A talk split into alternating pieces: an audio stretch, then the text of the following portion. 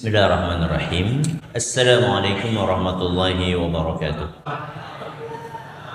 الحمد لله وحده الصلاة والسلام على من لا نبي بعده وعلى آله وصحبه ومن اتبع هداه إلى يوم القيامة أما بعد أيها الإخوة رحمني ورحمكم الله Alhamdulillah kita bisa memasuki sesi terakhir dari daurah kita untuk mengkaji kitab Khulasatul Ta'zimil Ilmi yang ditulis oleh Syekh Saleh Al-Utsaimin hafizahullah taala.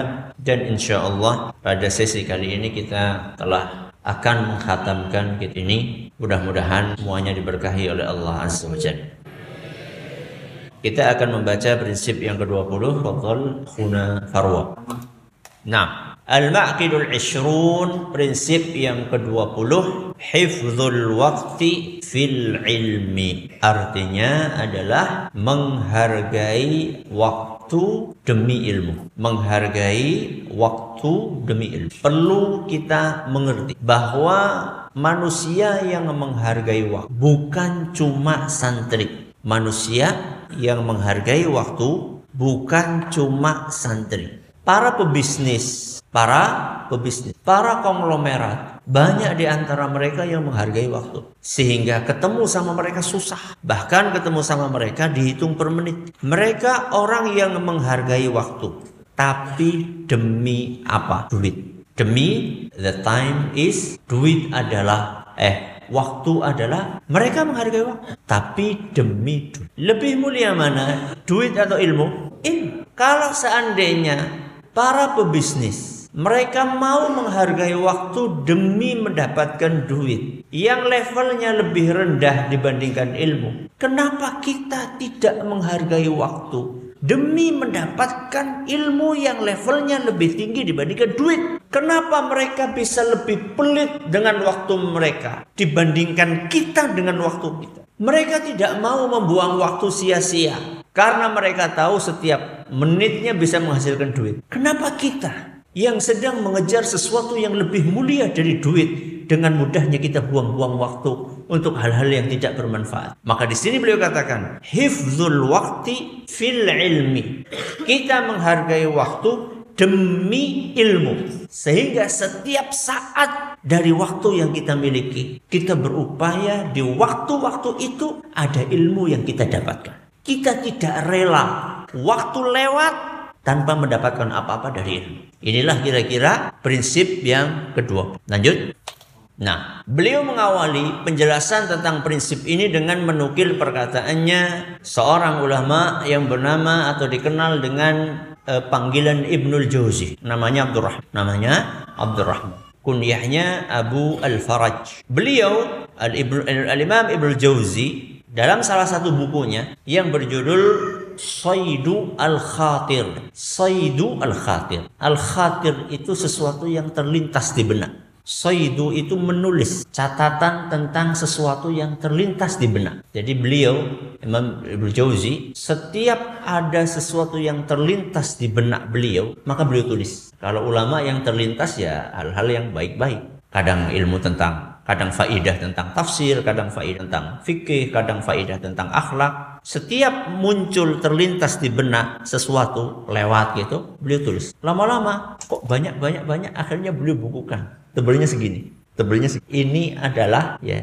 hal-hal yang terlintas di benak beliau selama beliau hidup dibukukan dalam buku judulnya Saidu Al-Khatir mencatat sesuatu yang terlintas di dalam benak maka salah satu yang dinasehatkan sama guru kami dahulu, saat belum ada zaman gadget, kami dinasehatkan ke mana-mana suruh bawa buku kecil. Suruh bawa buku kecil, buku saku. Ke mana-mana bawa buku saku. Buat apa? Buat seperti itu. Jadi ketika kita lewat, melihat sesuatu, lihat buku, baca buku, atau ngobrol dengan seseorang, dapat faidah, itu langsung ditulis. Anda masih ingat, sampai sekarang Anda masih nyimpen buku Anda yang buku saku itu, segitu saat Anda masih di Madinah. Masih Anda simpan. Setelah zamannya komputer, Anda pindah ke komputer.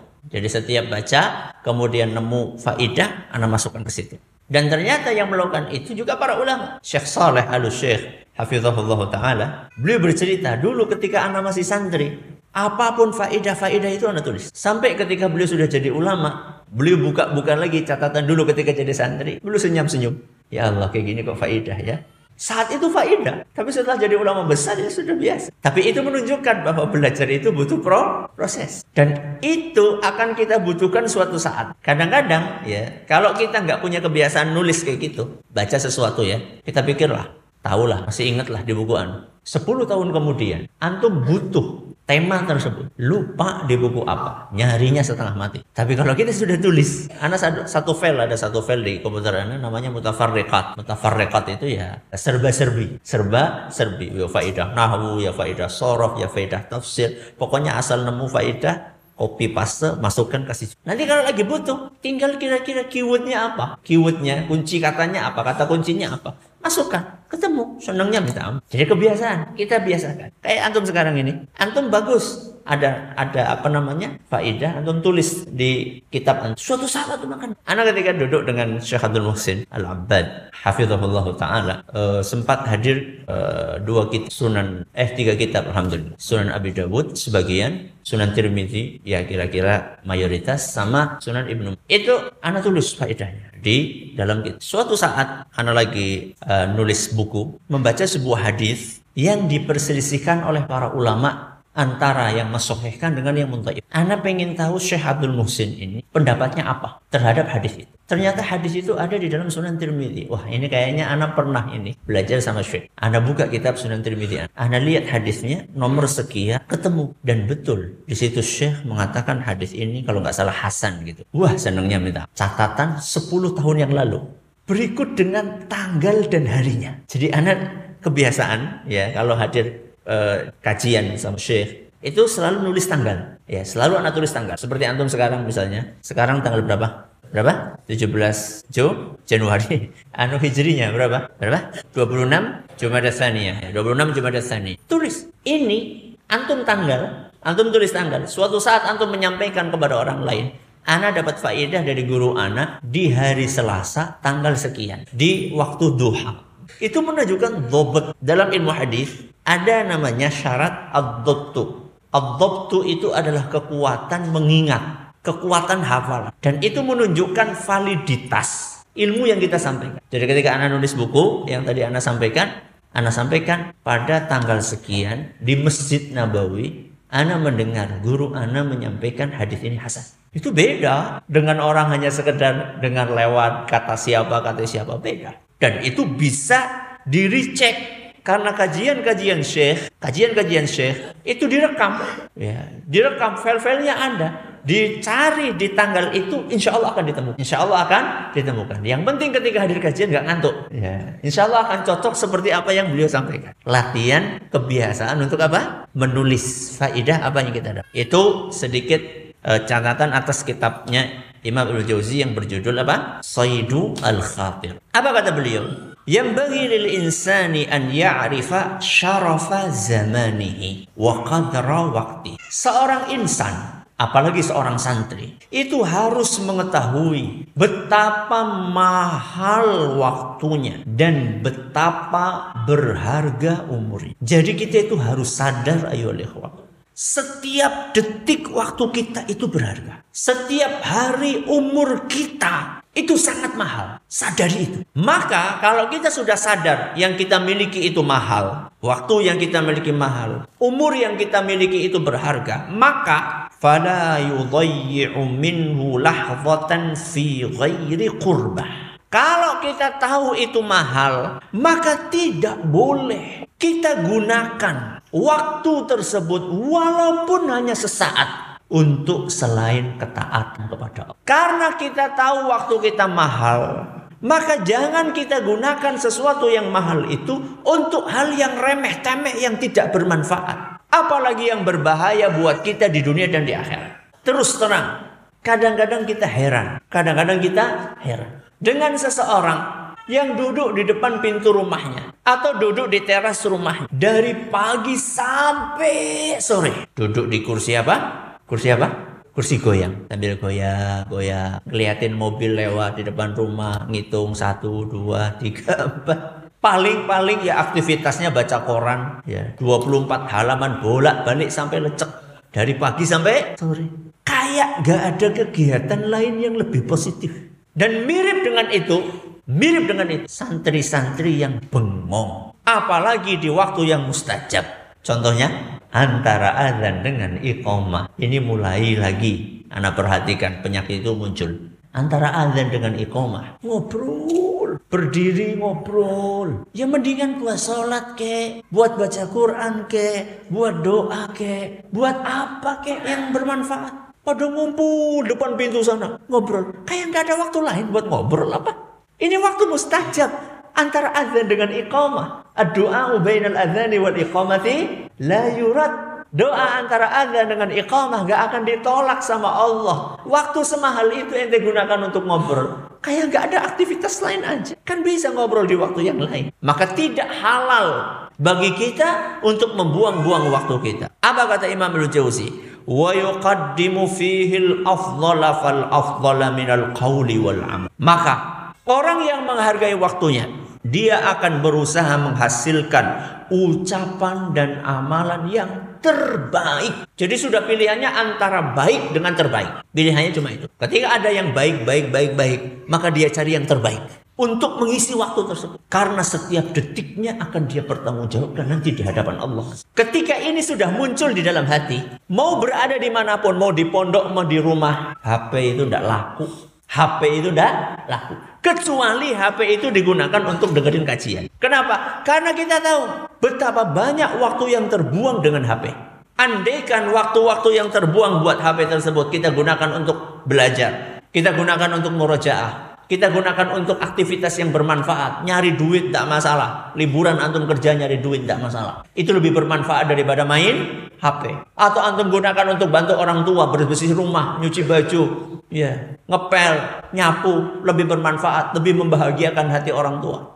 Yang seperti itu orang yang menghargai waktunya dia akan memikirkan apa yang terbaik yang bisa anak lakukan di waktu ini. Dari pagi sampai sore anak mau ngapain? Pagi sebelum antum pulang liburan, antum sudah punya agenda. Anak nanti ketika liburan pengen apa? Pengen apa? Yang bermanfaat. Yang bermanfaat. Oh anak nanti liburan satu pengen main HP sampai HP-nya lobet. Setelah lobet nyari apa? Power bank. Yang kedua, anak nanti liburan pengen makan yang enak ini. Semuanya urusan-urusan duniawi. Bu ya, oh, kalau antum mau liburan itu, anak selama liburan pengen nambah hafalan 5 juz. Anak pengen murajaah 10 juz. Anak pengen bantu orang tua. Anak pengen kerja nyari duit. Tidak masalah. Kerja nyari duit lebih baik daripada apa? Main HP. Anak liburan pengen main lato-lato.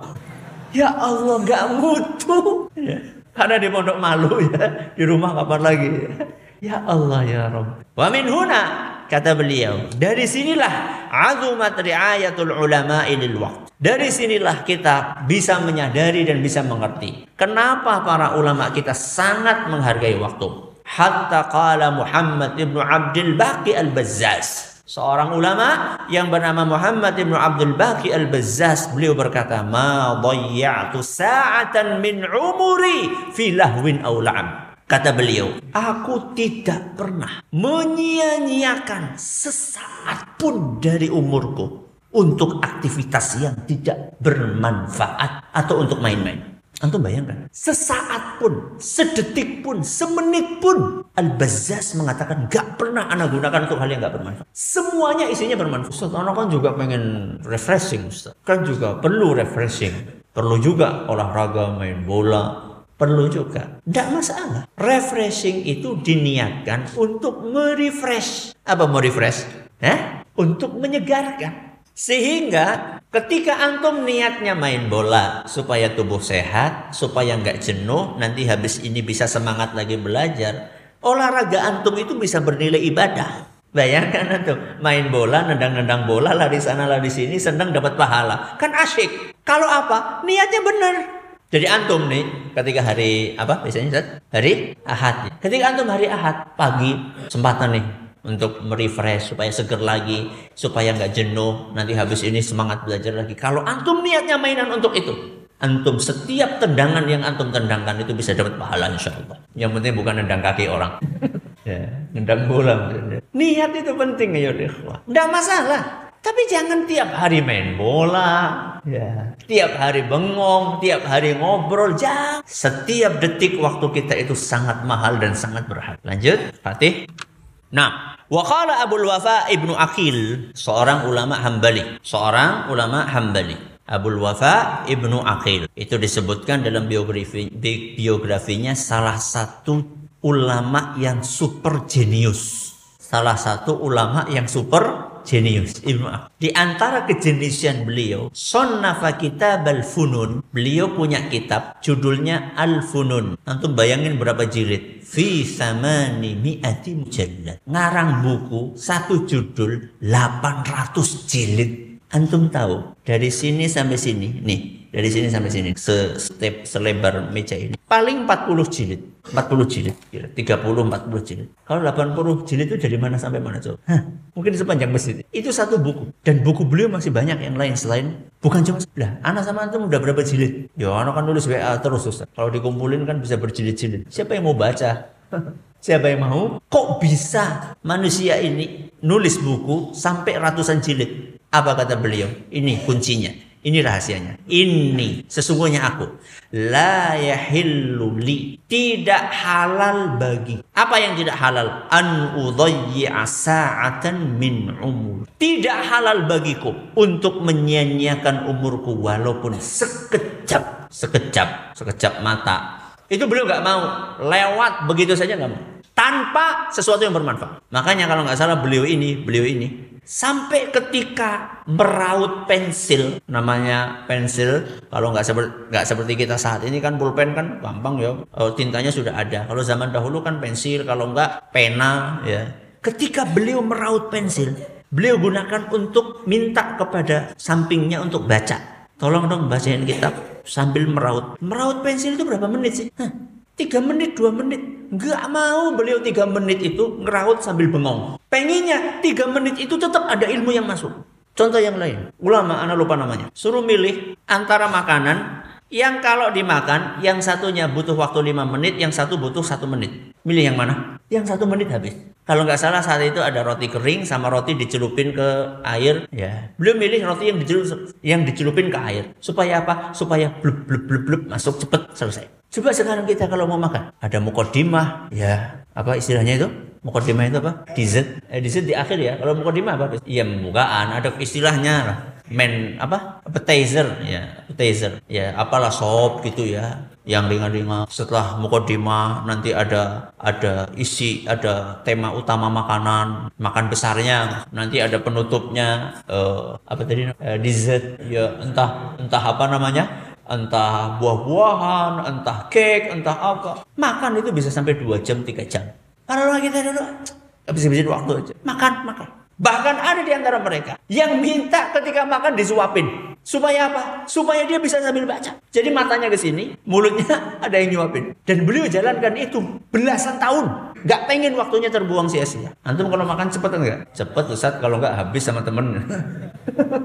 Bagus berarti. Ada sebagian orang kalau makan itu lama banget. Ya, karena di samping ngobrol, udah makan. Segera selesaikan makan. Ya tetap dikunyah, enggak bluk bluk bluk bluk bluk itu enggak. Dikunyah biar sehat ya. Tidak masalah. Ini kuncinya, rahasianya kenapa Ibnu Akil rahimahullah ta'ala bisa menghasilkan karya tulis sedemikian banyak. Karena beliau mengatakan sendiri tidak halal saya buang waktu saya sia-sia. Makanya nggak ada ceritanya para ulama kita itu ngobrol ngalor ngidul itu tidak ada ceritanya. Bengong nggak ada ceritanya. Ya.